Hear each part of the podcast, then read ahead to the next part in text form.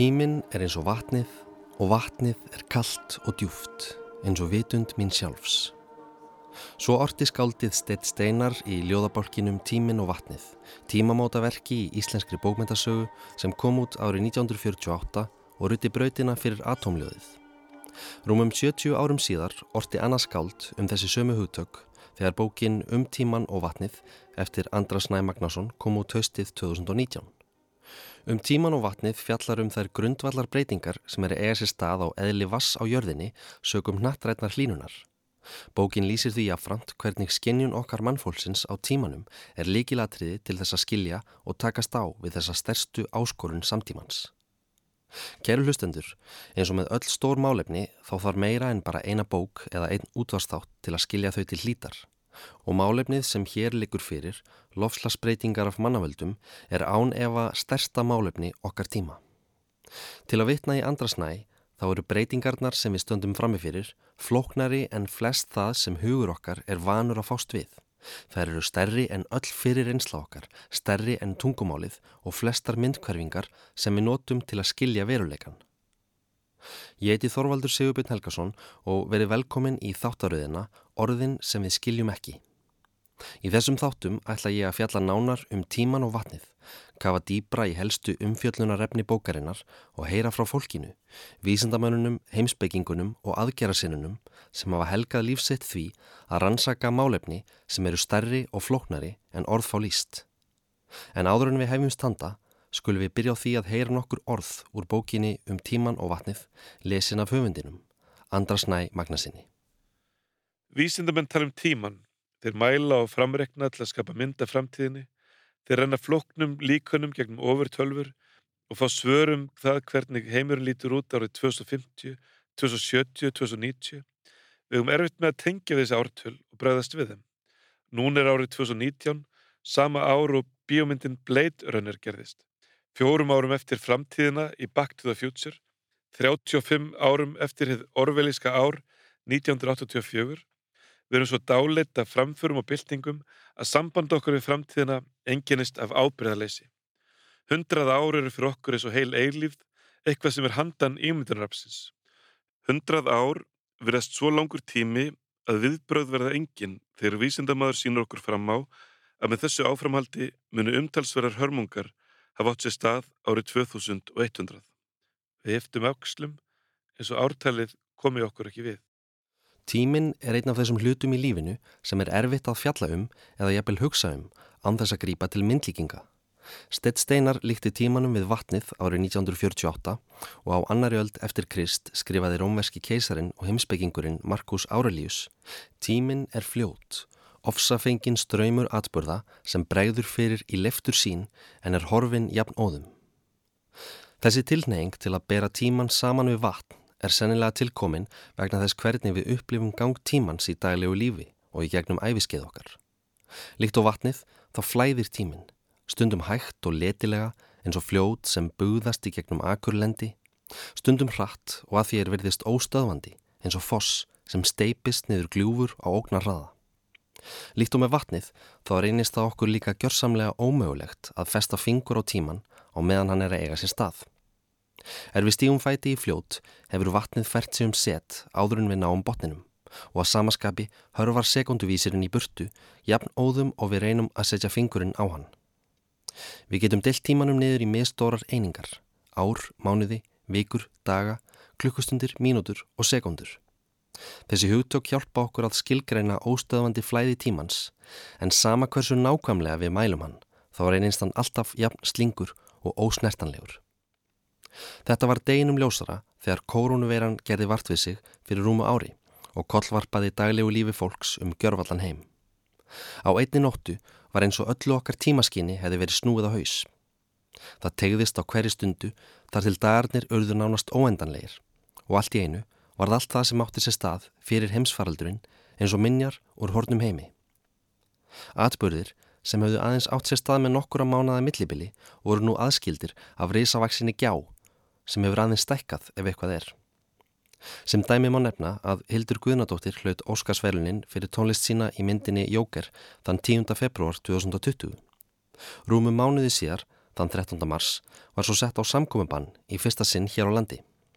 Á milli þessara tveggja atbyrða líðu aðeins 32 dagar en enguða síður virkar það eins og mun lengri tími í minningunni. Af hverju er tíminn svona mikið ólíkinda tól og af hverju eigum við svona erfitt með að átta okkur á honum? Er það vegna þess að hann er eitt af þessum hugtökum sem eru svo umfangsmikil að heilin okkar skinnjar ekki stærðina? Eða er það vegna þess að upplifun okkar á tímanum er sífælt að breytast eftir aldri og aðstæðum? Er tíminn sjálfur kannski bara miklu flóknari og afstæðari en við gerum okkur grein fyrir? Andri Snær vil meina að það hvernig við hugsum um tíman sé grundvallar fórsenda þess að skilja þau gríðastóru öll sem mannkinnið hefur leist úr læðingi með loflasbreytingum og líkilatriði ég að vísa okkur veginn úr þeirri heljar þröm. Ég vonum að öðlast örlítið betri skilning á eðli tímans leitaði ég til Sæfars Helga Bragasonar manns sem hefur bæði mikla reynslu af því að meila floknum vísendalegum hugtökum sem og gífurlega þekkingu á lofslagsmálum. Við Sævarelgi hittumst á myrkum skamdegismórni í Gröndalshúsi í lok síðasta árs og ætla ég að leifa ykkur að heyra smá af því sem okkur fór á milli. Blessaður Sævar, ég veit að þetta er rísastór spurning en ég ætla bara að bombinni á þig og þú svarar bara eins og þú vilt. Hvað er tíminn? Tími er náttúrulega hugtak sem við kannski getum ekki alveg skilgreint ef við ætlum að fara alveg svo langt til dæmis í eðlusfyrirna baka tíman. Við vitum að tímin líður eina ákveðna átt og hann líður misrætt eftir í hversu sterkur þingdarsvið erum en þú ert öruglega ekki að leita því. Eh, við uppilum tíman á frekar skrítinhátt að mínu viti þar að segja að þegar við skoðum til dæmis bara aldur í jarðarinnar og í jarðsöguleg tímabill þá ná þau yfir svo ótrúlega mörg ár að heilin okkar er ekki færi með nokkur móti að skilja það eða setja það í eitthvað skiljanlegt samengi. Þannig að til þess að setja svona allavega nánustu framtíði eitthvað ágætt samengi þá er ágætt að hugsa um fólk sem okkur þykir vandum og við komum til með að elska hversu lengi það lifir og, og svona en þegar öllur er bótið kolt þá er líf okkar og þessi tími sem við höfum á plánundinu bara eitt lítið augnabliki í sögu plánundunar og það er kannski pínu auðmyggjandi í leginni líka. Þannig ég get í raun og verið ekki svara spurningunni hvað tímin er en enda hérna getur það svo sem engin. Nei, hann er, hann er, svona, hann er mjög uh, loðið haugtak náttúrulega og svona, í, í daglegu lífi þá, þá gerir fólk almennt ráð fyrir að tímin sé ákveðin fasti sem hefði sér alltaf eins óháð stað og stund. Við til dæmis ákvaðum að hittast hér í Gröndalshúsi klukkan 11 á 50 degi og þá náttúrulega hefði augljóslega gengið, ekki gengið upp ef ég og þú hefðum ólingarskilning á því hvað hugtækið klukkan 11 á, á, á 50. smórni þýðir. En fræðilega og vísendalega séð þá er tímin ekki alltaf eins og hann hegða sér ekki alltaf eins, ekki satt?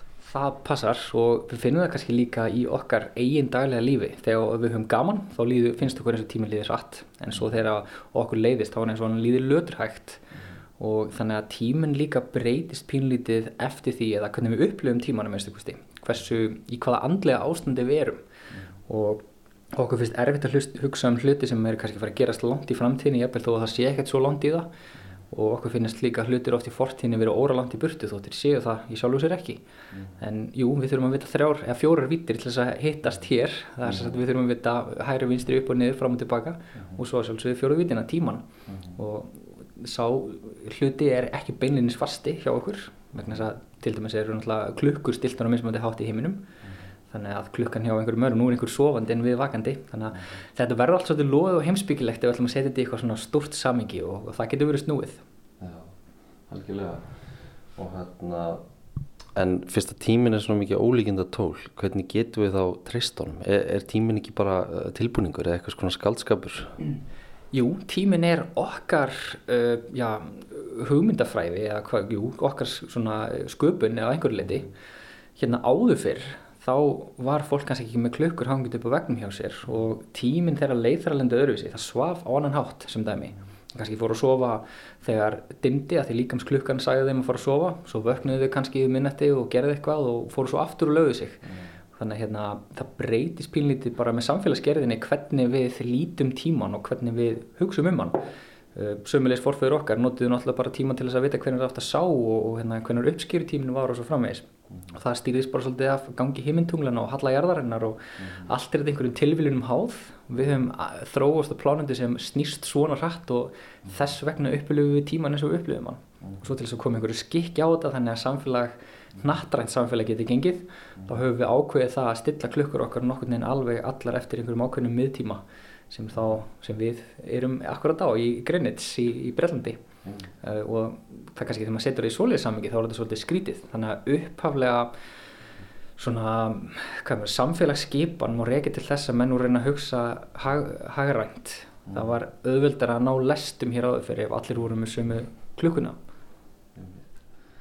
Já og ég held að, ég held við hefum öll uh, reykið okkur á það núna á þessu ári hvað tími getur mitt verið afstæður bara COVID er búin að brengla tím, allt tímaskinn hjá manni og, og maður svona, maður eru að sé mjög mikið á samfélagsmiðlum bara, þú veist, fólk er að tala um eitthvað svona, já muniði, þetta gerist í janúar, byrju, hæ, það er, ég held þetta er eins og þetta hafi verið fyrir tíu árum síðan. Það er alveg hárétt, Óskarinn þegar Hildur Guðnudóttir Guðnudóttir fekk Óskarinn þá mann finnst þess að það hefði gerst einhvern tíma fyrir óralöngu síðan en það gerist bara í februar-mars mm. þannig að, hérna, eitthvað, að þetta árhaugur er skringilegt þannig að það kannski líka áhugavert út frá tímunum að hluti sem gerast í okkar daglega lífi og í samfélaginu nattrænt hafa líka áhrif á það hvernig við skinnum tíman þannig að okkur finnst einhverju sögulegir atbyrðu stundum rosalega fljótur að líða mm. en svo munum við þá rosalega vel kannski mörgum árum áratugum síðar, á meðan við glemum fullt af öðrum hlutum sem að sátu ekkert eftir í kollinum okkar og tíminn tengist þessu einhvern nátt sem ég get kannski ekki alveg útskýrt. En það er kannski bara hvernig lífur við erum. Já, Já akkurat. Og svo finnst mér mjög áhverð líka þetta svona ég veit ekki hvað íslensk orðið en þetta dissociation sko við sko framtíðina og fortíðina. Að alltaf þegar verið að tala um lofslagsvísindin þá er verið að tala um einhver ártöl í framtíðin eins og 2050 sem er rauninni mjög sko, stutt þanga til. En og svo sko ef við miðum við það við 1990 sem mörgu fólki fyrst bara verið gær þá einhvern veginn sko þá brenglast sko við vannmetum svo mikið hvað hva hlutir eru nálat okkur í tíma og, og, og ofmetum stundum hvað hlutir eru, eru hérna fjarlægir okkur í tíma Ég er bara alveg hjartalega sammálaður þar. Þetta er svona aftenging við tíman sem við upplifum og bara 1990, ég er það gammal, sko, ekki mjög gammal samt sem var þetta alveg mun eftir árunni 1990 mm -hmm. og ég byrjaði myndi skóla þá og það er um það leiti sem að James Hansen, loftslagsfræðingur í bandreikinum, vittnar fyrir bandreikiþingi um að ef við förum ekki að taka okkur á þá munir það enda með einhvers konar ósköpum og tímaraminn sem að gefur okkur er kannski til 2050, þannig að þetta er svona nokkurnin mitt á milli og það sem við erum er stödd núna og okkur finnst 2050 vera rosalega langt í burtu en það er bara alls ekkert langt í burtu. Þetta er ekki nema 30 ár eða, eða 29 ár eða 30 ár sem er svona nokkur neginn okkar æfi og marketing gerst á þeim tíma sem betur fer þannig að við höfum tíma til stefnu en aftur tímin hann er hægt rólega að renna út til þess að við getum svona forðað mestu hamförunum sem að við, eða framtíðin kemur þá til með að upplifa. Og ástæðan fyrir því til dæmis að ég nenni að standa í einhverju svona umhverfis pælingum og reyna að fræða aðra er einmitt svo að ég á svon sem er tíu ára þannig að hann er orðin fullorinn maður ég haf vel komið börn og ég þarf alveg búin að eigna sparnabörn árið 2050 og ef það er einhvers konar vendipunktur eins og verðist stefna í að þá er þetta gott fyrir okkur bara að fara að spýta í lóan og hérna, breyta því sem breyta verður svo að börnin okkar þurfu ekki að gælda fyrir það og það er svolítið það sem drýfur mig áfram. Það er væntum þykja fyrir börnum og tilvorandi barnabörnum. Og ég er alveg til í að taka á mig einhvers konar svona pínlítil óþægindi kannski uh, til þess að svo megi verða. Vegna þess að mér þykir bara allt og væntum litla strákjum minn til þess að skilja hann eftir í einhvers konar já, í lausu lofti hálfpartin fyrir framtíðina. Ég vil að hann eigi lífskeiði sem eru virkilega góð. Þú ég er betur en þau sem við búum við í dag. Já, algjörlega, ég, ég er meitt að Ég er að lesa bók eftir hérna siðfræðing í Oxford sem heitir Toby Ord og hann talar um það, sko, hann er að tala um svona hluti sem geta mögulega tortínt mannkyninu og er, er að tala um framtíðina mjög mikið. Mm. og hann segir, sko, af hverju getum við ekki sínt fólkinu sem verður á lífi í fjarlægri framtíð sömu samúð og sínum fólkinu sem lifir í fjarlægum löndum Er það ekki bara svolítið vegna þess, að, vegna þess hvernig lífverðu við erum? Við höfum alltaf uh, aðlustu upp og þróast á þeim tíma þar sem þurftum að hafa virkilega fyrir lífinu mm. og núið var það sem skipti máli. Þángar til við uppgötuðum leiði til þess að gera landbúnaðarkerfi og þá allt í hennu fengum við líka tíma til að velta öðrum hlutum fyrir okkur og hægtu bítandi verður til tækni sem innfaldar okkur lífið, sparar okkur tíma en fylgifiskur þessara tækni framfara er oft og tíðum ekkert frábær fyrir náttúruna Uh, uppálega hugsaðum við náttúrulega ekkert í einhvers konar svona lífsfyrirlsgreiningu á því sem við gerðum en í dag þurfum við að taka það með í reikningin mm. þannig að við þurfum að hugsa hlutinu frá uppáða til enda og hugsa einhvers konar ringrás mm. þannig að allt í heiminu sem er línulegt að enda yfirleitt með ósköpum bara eins og lífið sjálft og, og, og svona sko. þannig að hérna, ef við ætlum að breyta um kurs og halda áfram að lifa góðu lífi á þessari plánundu með þá virðingu samkend fyrir þeim sem koma eftir okkur þá þurfum við náttúrulega að gera það. Og sem betur fer höfuð dæmum það í okkar sögu að slíkt hafi verið gert. Sigurður í Brattolti til dæmis sem ákvað upp á sitt einstami að reyna að bjarga gullfossi. Ég er nokkuð vissum að, að já, eða kannski ekki. Myndum við saknas að því að ef við ölumst upp á landi þar sem búir að virka gullfoss þá þekkjum við ekkert annað.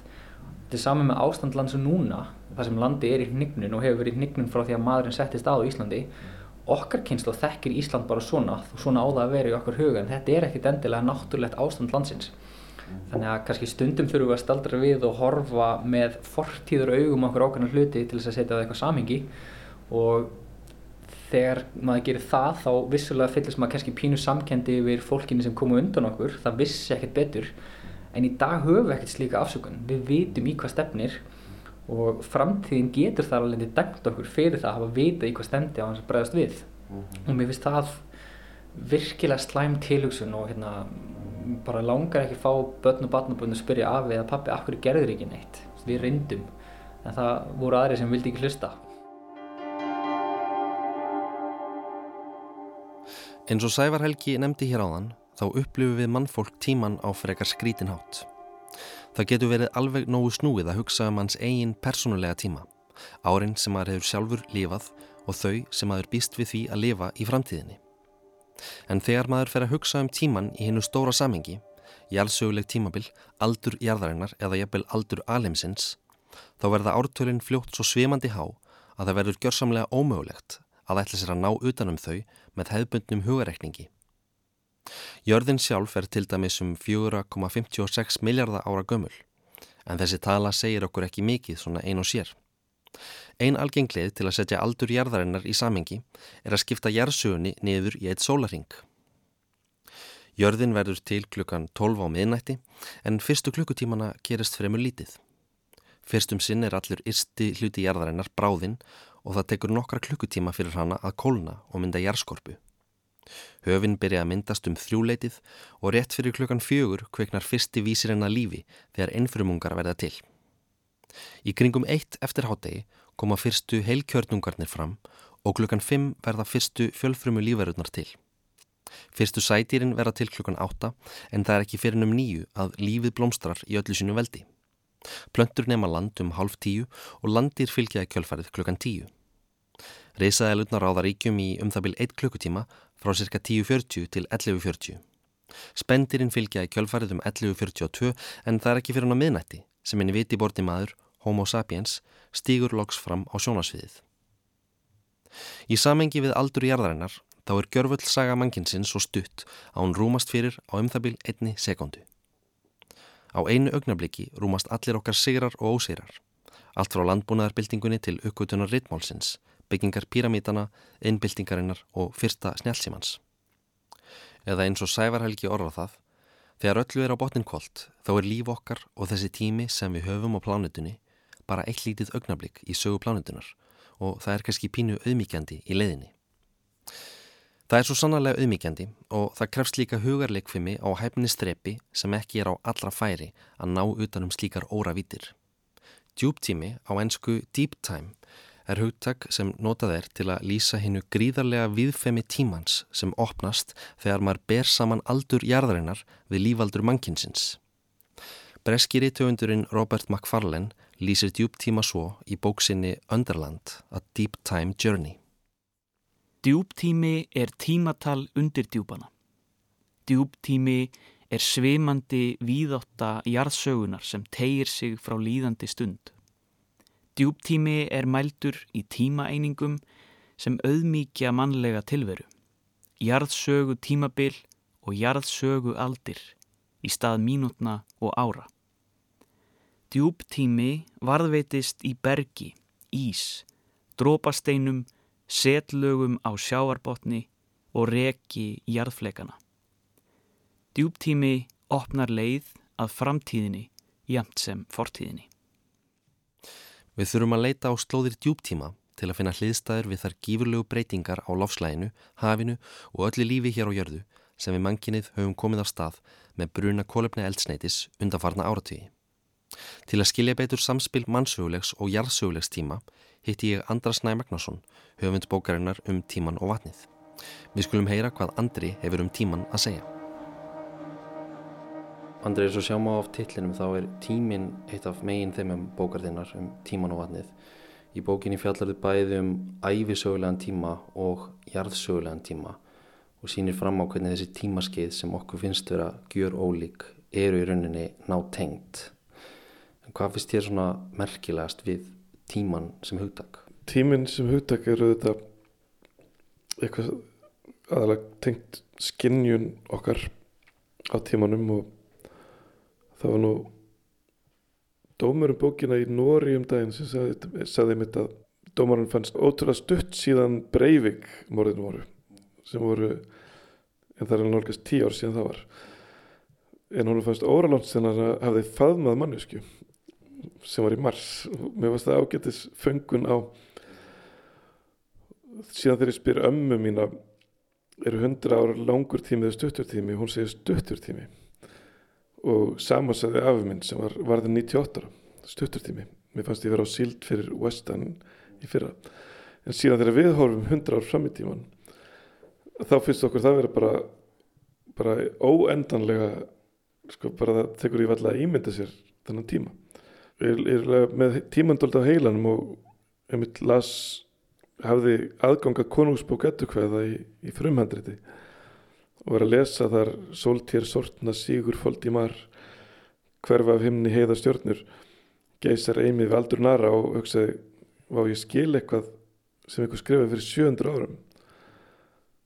Og ég hugsaði enn ef handritið er miðaldra þar sé ef það er komið hálfan, hálfa lífsleið sína og þá 700 ár eftir hvað, hvaða heimur er eftir 700 ár? Og við horfum á jarðsöguna þá hafa síðan 700 ár verið tiltölulega stabil tími jarðsögulega. Sjávarmál CO2 í andrusloftinu eða þar til fyrir 200 árum. Og, og það sem hefur gerst á síðast 200 árum er, er að kasta jörðinu hugsanlega í allt annað jafnvægi þannig að þannig að jarðsögulegur tími er ferðin að nálgast manntíma. Og þar komum við eiginlega grundvallar pælingunni í bókinni að á næstu 100 árum teljum við að jöklar minni bráðnað mjög miklu leti utan heimskvötana hafsborð rýsa meir en sérst hefur í að minnstu kosti 5.000 ár. Sírustig sjávar síðan breytast meira á næstu 100 árum heldur en á síðustu 50 miljón árum.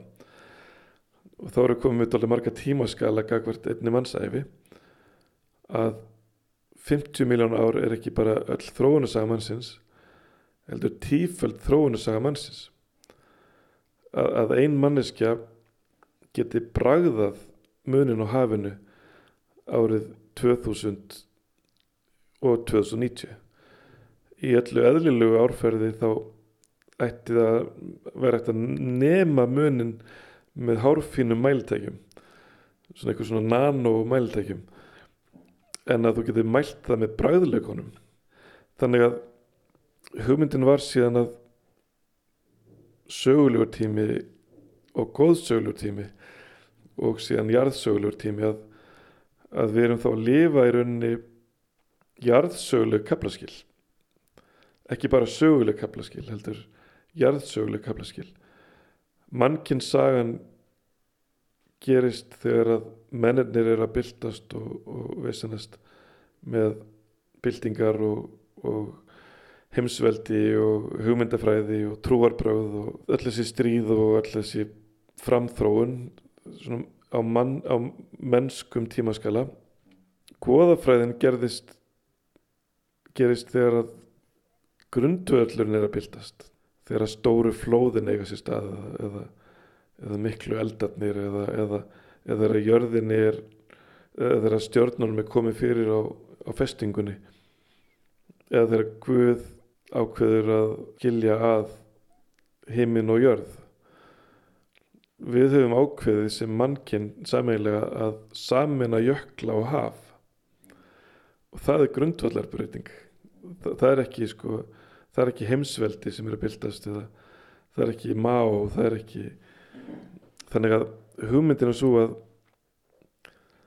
að við erum í raun að lifa góðsögulega tíma hugsanlega harmsögulega góðsögulega tíma þar sem að grundvöllurinn er að byltast en ekki, ekki bara hugmyndirnar okkar eða viðskiptakerfin eða, eða hugmyndafræðin sem við búum okkur til katholska kirkjan eða, eða, eða síðaskipti eða eitthvað.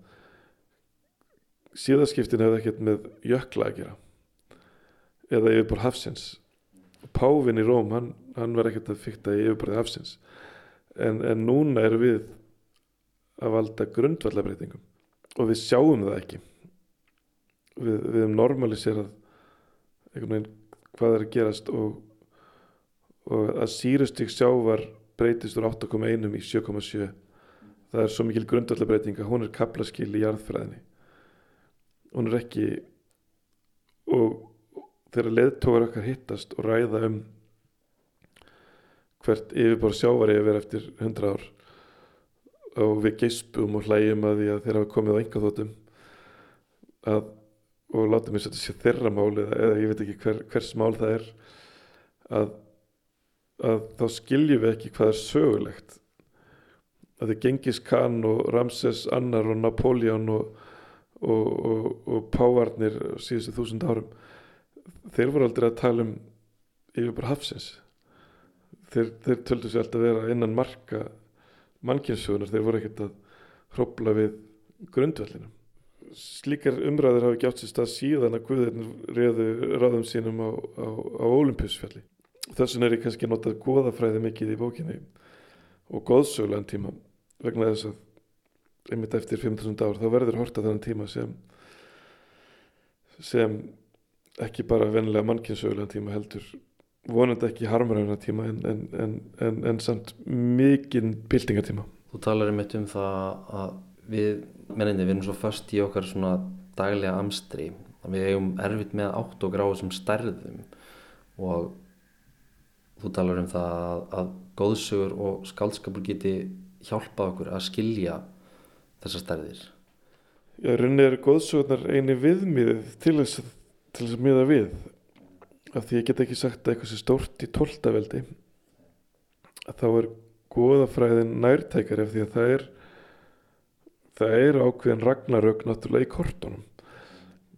Þegar að, þegar að ef að, ef að framfer línulega sem horfir að, að þá er komnar, er allar viðverunabjallir á lofti öll, öll tekna lofti og um, um að það get ekki gengið svona og það er og þá er nærtækt að vísa í prómó þegar vegna þess að þetta stafar allt saman af eldinum. Að við hefum kveikt mestu elda sem logað hafa á jörðinni. Og, og prómó þegar hún, hún var refsa með því að það var örd sem nagaði úr hún lifrina vegna þess að einhverju þetta vegna vildi kvöðinir ekki að menninir fengju, fengju vald yfir eldinum. Og við höfum sannað að kvöðinir höfðu rétt fyrir sér. Að við réðum ekki við allan eld. Og við höfum núna kveikt stærra bál heldur en jörðin hefur áður, áður séð. Og þetta bál er já, 200 sinni meira en all eldvirkni jarðar á, á orsmiðaltali og það er, það er eldfjallið sem við erum við. Á 20 árum losum við jafn mikið sjótveir út í andrusloftið og áætlað er að hafa losnað þeirra halastjarnan sem rakst á jörðina fyrir 60 miljón árum losaði þannig að, þannig að 20 árum eru við halastjarn og, og þetta eru bara stærðir sem eru bara ja, stjartfræðilegar, goðfræðilegar að, að, að ég get ekki æft og ég get ekki grenjað eða skrifað í hástöfum er það svona mín menningarlega leið er að nota stjartfræðilegar goðsögulegar tengingar. Já, aftur aðeins að, að, að tímanum. Sko við eigum mjög örfitt stundum með að átt okkur á sko samhengi hvað tíman varar, eins og nefndir þarna með hennar norska gagrinenda og sko þegar við hugsaum um árið 2050 þá finnst okkur það að vera rosalega fjarlægt einhver framtíð bara. En það er rauninni við erum komið nær 2050 heldur en 1990 sem fyrir marga er bara í gær. Og í bókinniðinni þá lýsir þú svona ákveðinni hugsana tilraun sem atna, þú gerir með, með dótturinni þar sem þú lætir hann að reikna út hvenar er einhver á lífi sem þú munt elska. Og, og talar um svona þetta sem, sem tíman sem, sem við atna, við snertum. Svo tímapæling er, er unni hvaða tíma getur snert með byrjum höndum og hvaða tími hefur bein áhrif á þig og síðan hvaða áhrif hefur þú inn í framtíðina. Þannig að þar nota ég ömmur mínur á afa og fólk sem er fætt kring 1920 sem hefur bein áhrif á mig og þá bara sá tíðarandi og uppeldi og, og, og bara sá tími á þátt í að skapa mig og, og okkar samferðamenn og síðan mun ég hafa bein áhrif á afkomundu mína eða fólk sem kemur og eftir mér. Og ég fyrir að rekna út hvenar er ykkur á lífi sem ég mun elska þannig að ef ég verð finn nýraður kall árið 2063 og já uppáhalds afkomenda sem er fættur 2053 Svo manneskja er ennþá talið mig árið 2143 ef að, ef að, ef að við verum heppin með, með langlífi.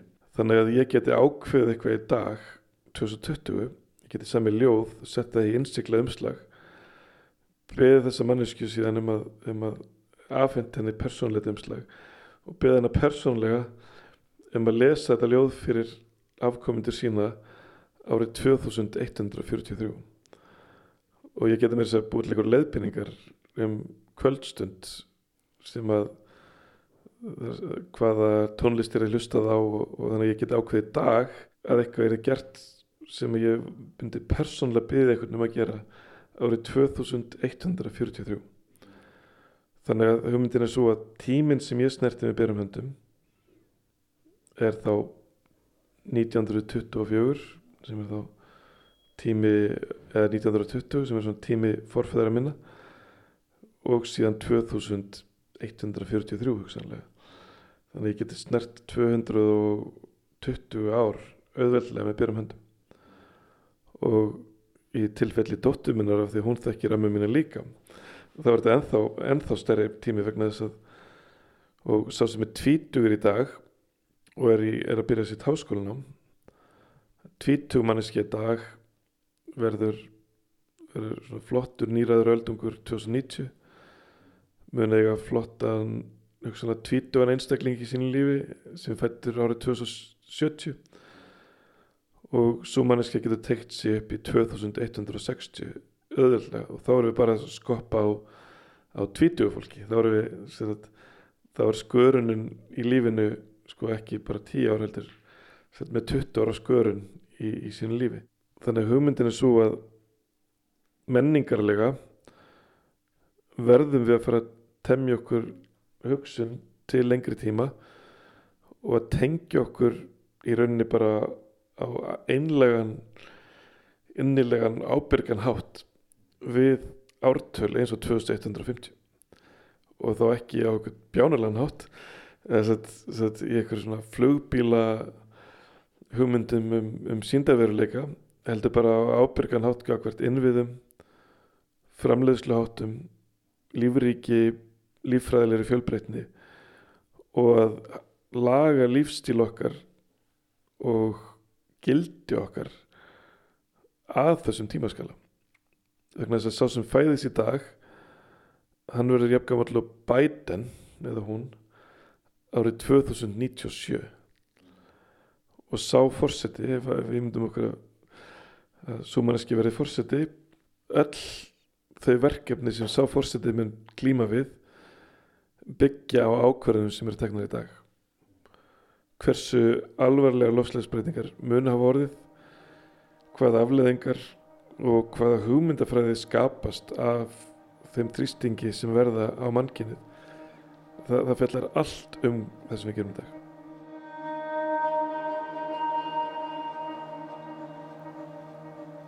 Ég á ekki börn sjálfur en ég vinn á frístundaheimili þar sem ég umgengst nær daglega fjöldan allan af börnum.